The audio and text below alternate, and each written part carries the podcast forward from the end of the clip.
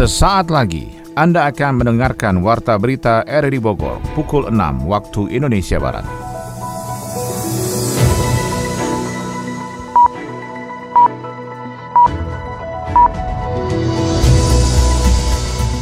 Selamat pagi, salam jumpa. Kembali hadir dalam Warta Berita pagi ini, Kamis 12 Agustus 2021. Siaran ini dapat Anda dengarkan melalui audio streaming RRI Play pada perangkat Android Anda, serta turut disiarkan Radio Tegar Beriman Kabupaten Bogor. Berikut kami sampaikan berita utama. Menteri Pemberdayaan Perempuan dan Perlindungan Anak mengajak ibu hamil dan menyusui menjalani vaksinasi COVID-19. Anak korban jaminan hutang sudah tidak memiliki orang tua alias yatim piatu. Muhammad Raka ini memang kisah hidupnya juga memprihatinkan. Dia lahir dari pasangan Ibu Nanda dan Bapak Nuril. Ketika Raka masih dalam kandungan sekitar tiga bulan, bapaknya Nuril itu meninggal di perairan Kalimantan. Kemudian Ibu Nanda menikah lagi sekitar tahun 2017-an. Mm-hmm. Nah kemudian Bapak Suherman ini mengidap kanker otak dan akhirnya meninggal juga sekitar eh, tanggal 14 Juli 2021 gitu. Nah kemudian ibunya meninggal juga pada tanggal 4 Agustus. Bersama saya Novita Lisa, inilah Warta Berita RRI Bogor selengkapnya.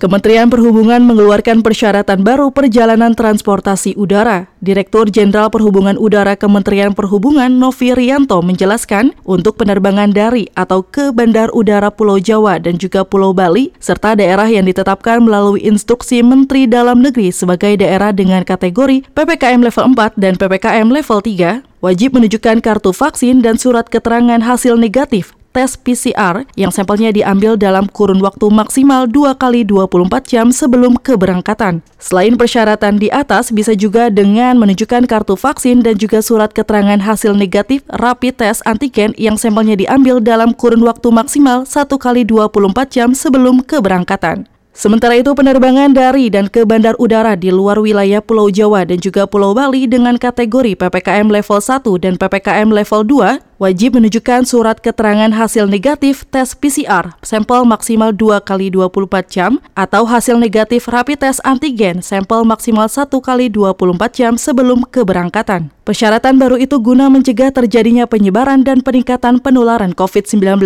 dengan cara menunjukkan pembatasan perjalanan dengan moda transportasi udara. Menteri Pemberdayaan Perempuan dan Perlindungan Anak atau P3A, Igusti Ayu Bintang Darmawati mengajak ibu hamil dan ibu menyusui untuk menjalani vaksinasi COVID-19. Sesuai surat edaran Kementerian Kesehatan, vaksinasi COVID-19 aman bagi ibu yang sedang menyusui. Selain itu, Komite Penasihat Ahli Imunisi Nasional atau ITAGI telah merekomendasikan pelaksanaan vaksinasi COVID-19 pada ibu hamil. Bintang mengatakan vaksinasi diperlukan ibu hamil karena mereka termasuk kelompok yang beresiko terserang COVID-19. Infeksi virus corona bisa menyebabkan ibu hamil mengalami gejala sakit berat hingga kematian. Kementerian Kesehatan dalam surat edarannya menyebutkan vaksin COVID-19 yang bisa digunakan untuk ibu hamil adalah vaksin platform mRNA seperti vaksin keluaran Pfizer dan Moderna serta vaksin platform inactivated dari Sinovac. Menurut ketentuan, vaksin COVID-19 hanya bisa diberikan kepada ibu hamil yang usia kandungannya sudah 13 minggu. Dosis pertama vaksin COVID-19 bisa diberikan pada trimester kedua kehamilan.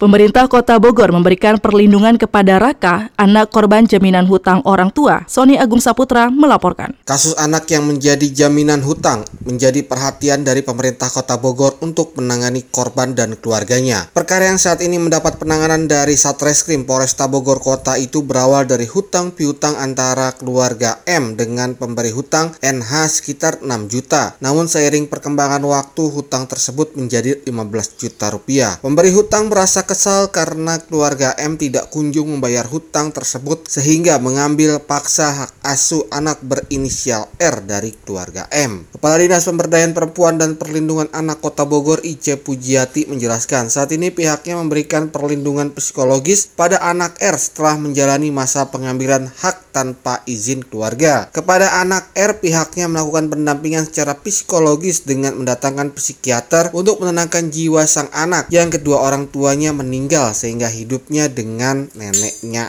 M. Sekarang keluarganya ini sedang sedang diamankan sama kita.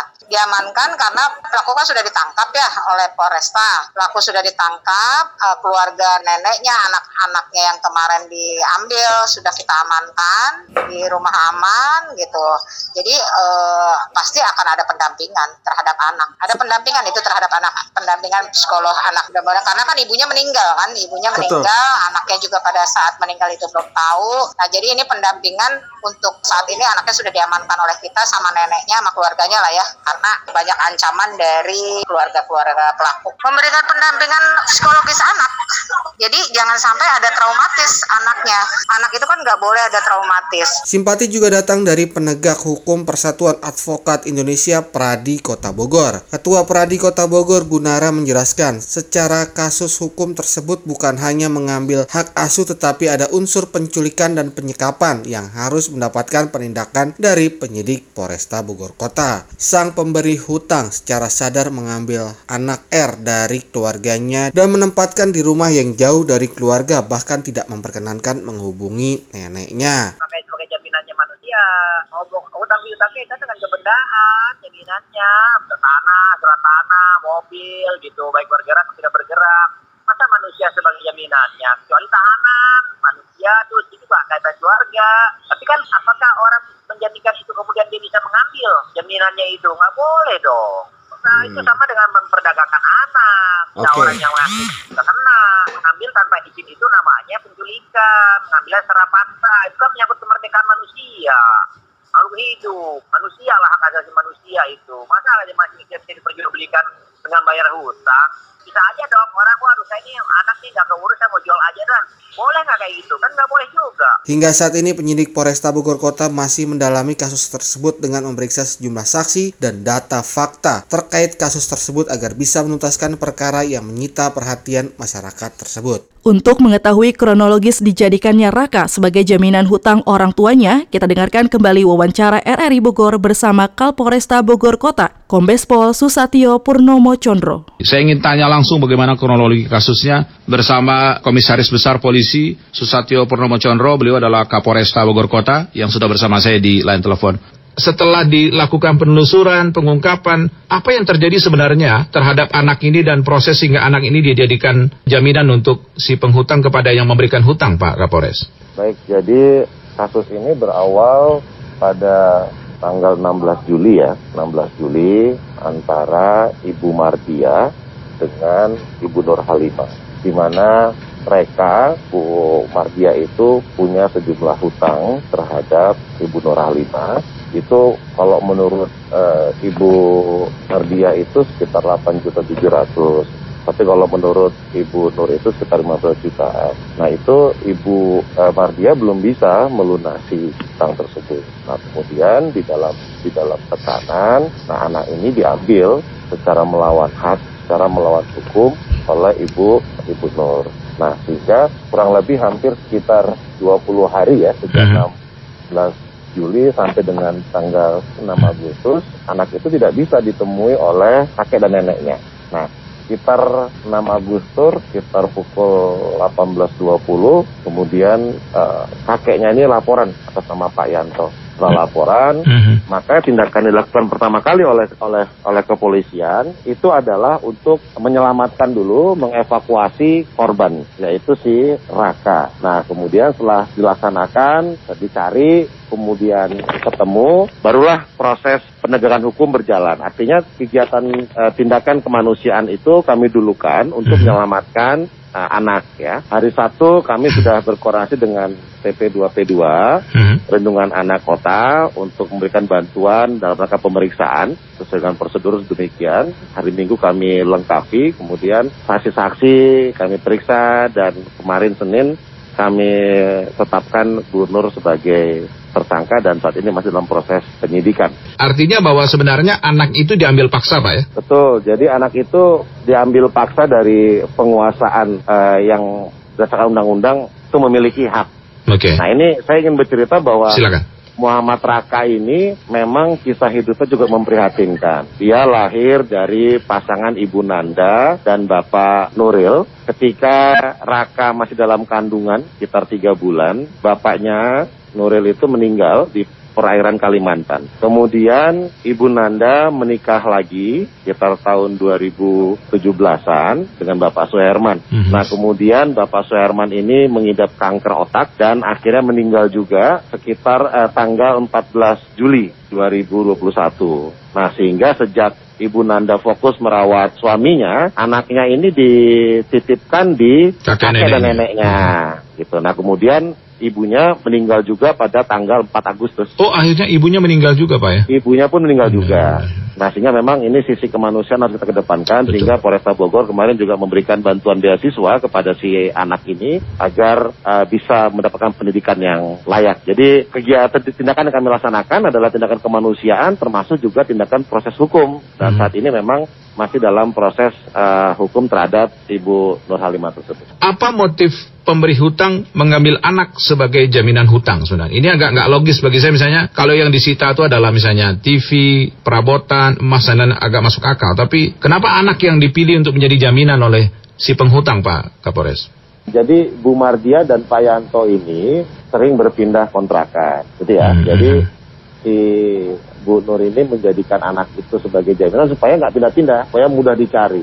Oke. Okay. Karena mereka itu mengenal Bu Mardia dan Bu Nur itu mengenal sudah sejak bulan Juni ya, sejak hmm. bulan Juni mengenal dan uh, sempat juga Ibu Nur itu datang kemudian menginap di dekat situ untuk bisa bertemu Raka. Nah, tentunya ini menjadi motif daripada Ibu Nur uh, mengambil Raka sehingga kakek neneknya tidak mempunyai kuasa untuk bisa menahan si anak tersebut karena memang usia sudah juga cukup tua ya. Mm-hmm. Saya nggak paham kalau anak dijadikan jaminan sebagainya apa ada motif human trafficking dan lain-lain gitu. Sejauh ini bagaimana Pak? Jadi pasal 88 yang kami terapkan, pasal 88 Undang-Undang Perlindungan Anak itu adalah untuk eksploitasi ekonomi. Hmm. Artinya hmm. anak ini digunakan oleh si tersangka untuk bisa mengembalikan hutangnya. Jadi menjaminkan, jadi sebenarnya peran aktif itu ada pada tersangka. Yeah. Jadi supaya tidak kabur-kaburan, supaya cepat membayar hutang, Artinya uh, kemudian itu dia di, diambil oleh si tersangka, ya dirawat dengan baik sih ya. Tapi intinya bahwa agar si uh, Bu Mardiah itu segera melunasi hutangnya. Gitu. Oke, artinya anak ini dirawat dengan baik ya Pak Kapolres ya? kita kita kita temukan dengan dengan baik secara fisik ya. Tapi kalau secara psikis kan kita tentunya harus melakukan pemeriksaan. Nah itu dia, kita nggak pernah tahu apa yang terjadi selama hampir tiga minggu ya Pak Kapolres ya. So, nah itulah saat ini sedang diproses oleh uh, perlindungan uh, perempuan dan anak. Oke, Rakas sekarang posisi di mana? Apakah bisa langsung dikembalikan ke nenek kakeknya atau bagaimana? Ini dalam, dalam, dalam pengawasan dari perlindungan perempuan dan anak. Oh gitu, jadi di ya. healing dulu ya Pak Kapolres ya? Ya, ya, Siap. itu kan itu sudah prosedur seperti itu karena menangani anak ini khusus ya, deliknya khusus juga. Baik, terima kasih banyak ya, Pak Kapolres ya, sudah bersama ya. kami. Komisaris Besar Polisi Susatyo Purnomo Condro, Kapolresta Bogor Kota.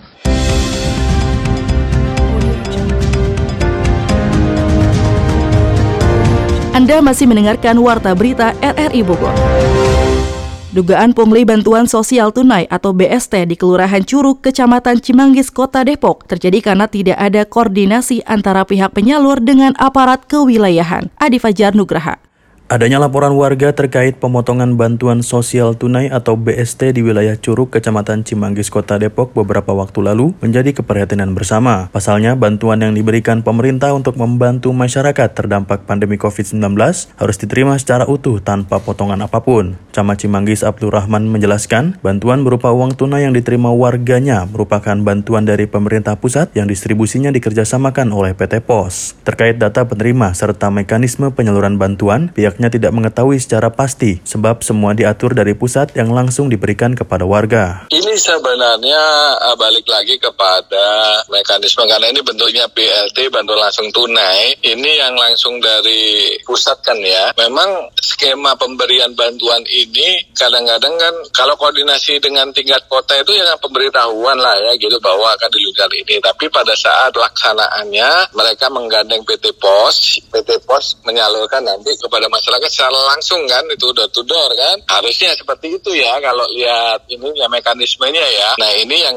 kita camat lurah ini kadang-kadang tidak ada pemberitahuan dari kantor pos. Dugaan pungli BST tersebut berdalih infak untuk warga yang tidak kebagian menerima bantuan dari pemerintah pusat. Lagi-lagi menurut camat yang kerap disapa Abra ini mengatakan pihak penyalur tidak berkoordinasi dengan aparat kewilayahan untuk menyalurkan bantuan tersebut. Jika aparat kewilayahan dilibatkan setidaknya menurut Abra pihaknya akan melakukan pendekatan kepada warga untuk mencegah terjadinya pungli. Kita kan pencegahan. Pertama kan kita situasi PPKM 4. Nah mungkin komunikasinya dengan warga jangan sampai terjadi kerumunan, prokes kita perhatikan. Kemudian kita sampaikan kepada RT RW bahwa bantuan ini harus langsung diterima hmm. oleh yang bersangkutan. Tidak ada ini kan upaya pencegahan yang kita lakukan. Kalau seandainya lurah atau camat yang ngomong masa iya mereka mau melakukan hal-hal. Jadi dengan cara apa pun istilahnya pungli atau pemotongan atau digunakan untuk lain-lain kan kita bisa memberikan arahan. Nah ini yang tidak 92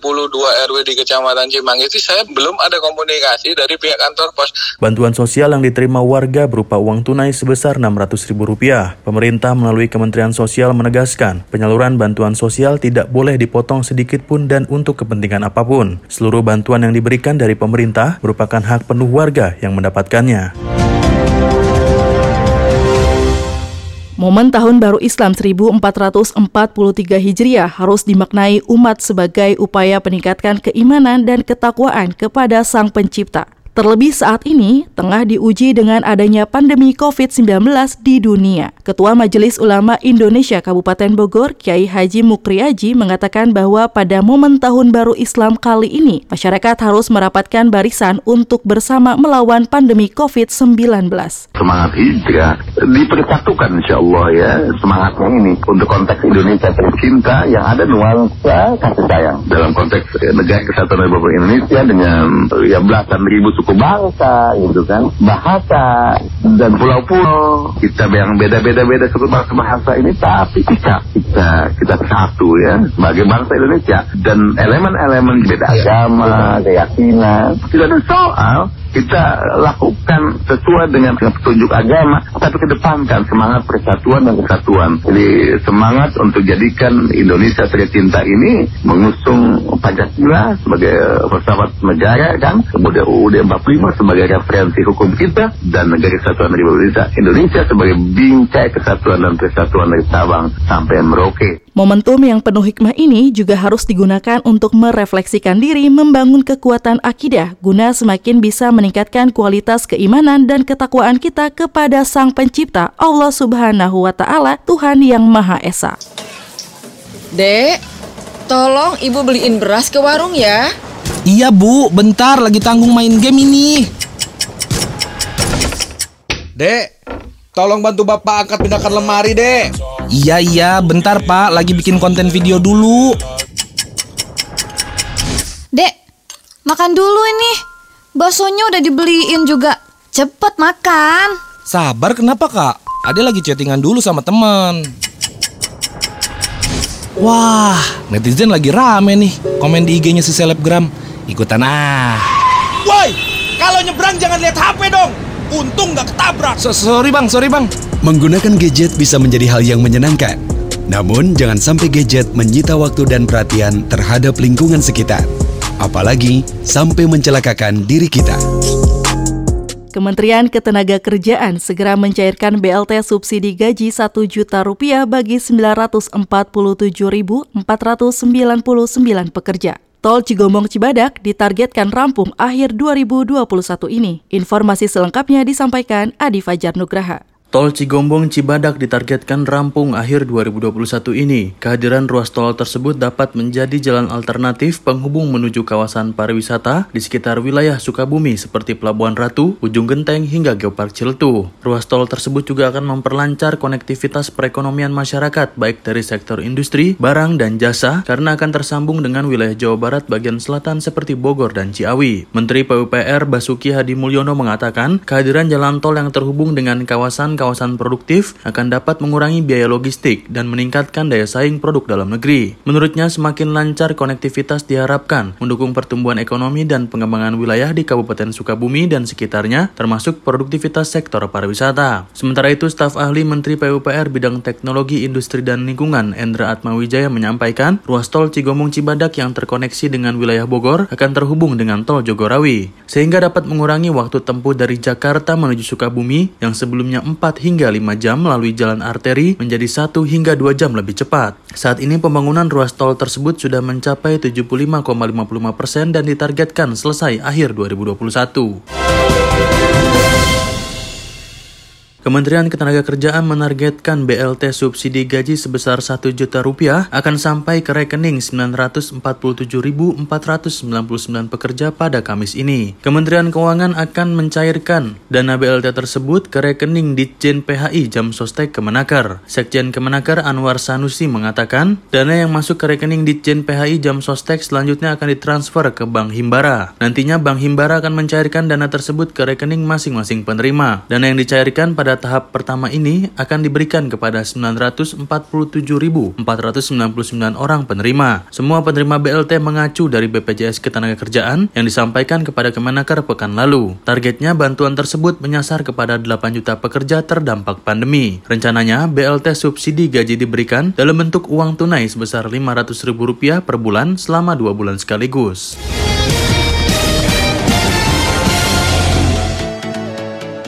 BWF memastikan dua turnamen yaitu Korea Open 2021 dan Macau Open 2021 dibatalkan. Valentino Rossi menyatakan akan tetap membalap pada tahun depan seandainya bisa menjadi juara dunia di akhir kompetisi pada pertengahan November mendatang. Dua informasi olahraga tersebut selengkapnya disampaikan oleh Ermelinda. Federasi Badminton Dunia BWF telah merilis jadwal baru kalender turnamen BWF untuk sisa tahun 2021 dengan kejuaraan Korea Open dan Macau Open 2021 yang dipastikan dibatalkan. BWF melalui situs resminya mengumumkan jadwal baru kalender turnamen 2020 yang terkena imbas pandemi virus corona pada Rabu 11 Agustus 2021. Penjadwalan ulang berbagai turnamen dilakukan melalui perencanaan dan konsultasi koordinasi dengan asosiasi anggota yang juga merupakan tuan rumah dari beberapa turnamen. BWF mengaku masih bisa berkomitmen untuk bisa menjalankan kejuaraan yang telah dijadwalkan di sisa kalender 2021. Pasalnya, kejuaraan ini penting bagi para pemain untuk bisa mendapatkan poin guna memperbaiki peringkat dunia dan memperebutkan hadiah dalam beberapa bulan mendatang. Sementara itu, BWF memastikan dua turnamen yaitu Korea Open 2021 dan Macau Open 2021 2021 dibatalkan. Turnamen Korea Open yang akan memperebutkan uang sebesar 320 ribu dolar Amerika tersebut akan digelar mulai tanggal 31 Agustus sampai 5 September 2021. Sedangkan Macau Open akan digelar pada 2 hingga 7 November 2021 di Macau. Kejuaraan dunia junior BWF yang akan diselenggarakan di Cina pada tahun 2021 juga dipastikan ditunda. Sementara itu beberapa turnamen tersisa lainnya juga masih berstatus ditunda. Keputusan akhir pada turnamen tersebut akan datang di kemudian hari. Setelah menyatakan bakal pensiun pada akhir musim MotoGP 2021, Valentino Rossi menyatakan akan tetap membalap di tahun depan seandainya bisa menjadi juara dunia di akhir kompetisi pada pertengahan November mendatang. Rossi tidak merasa ada perbedaan setelah menyatakan pensiun pada lima hari lalu. Pembalap berjuluk The Doctor tersebut merasa sudah mengambil keputusan dengan sangat matang. Saat ini Rossi menempati peringkat ke-19 dengan 20 poin hasil dari mengais poin dalam 5 balapan dari 10 seri yang sudah dijalani. Rossi pun terpaut 150 poin dari Fabio Quartararo yang menduduki puncak klasmen pembalap. Meski peluang sangat tipis, Rossi masih mempunyai kesempatan menjadi juara karena masih ada 8 balapan yang tersisa. Pemilik 9 gelar juara dunia tersebut tidak mampu tampil kompetitif pada musim ini. Capaian terbaiknya hanya menempati peringkat ke-10 di MotoGP Italia. Pada balapan MotoGP Styria 2000 2021 yang berlangsung akhir pekan lalu, Rossi finish di posisi ke-13. Kegagalan beberapa pembalap mengakhiri balapan turut mengatrol posisi akhir Rossi dalam seri yang berlangsung di sirkuit Red Bull Ring tersebut.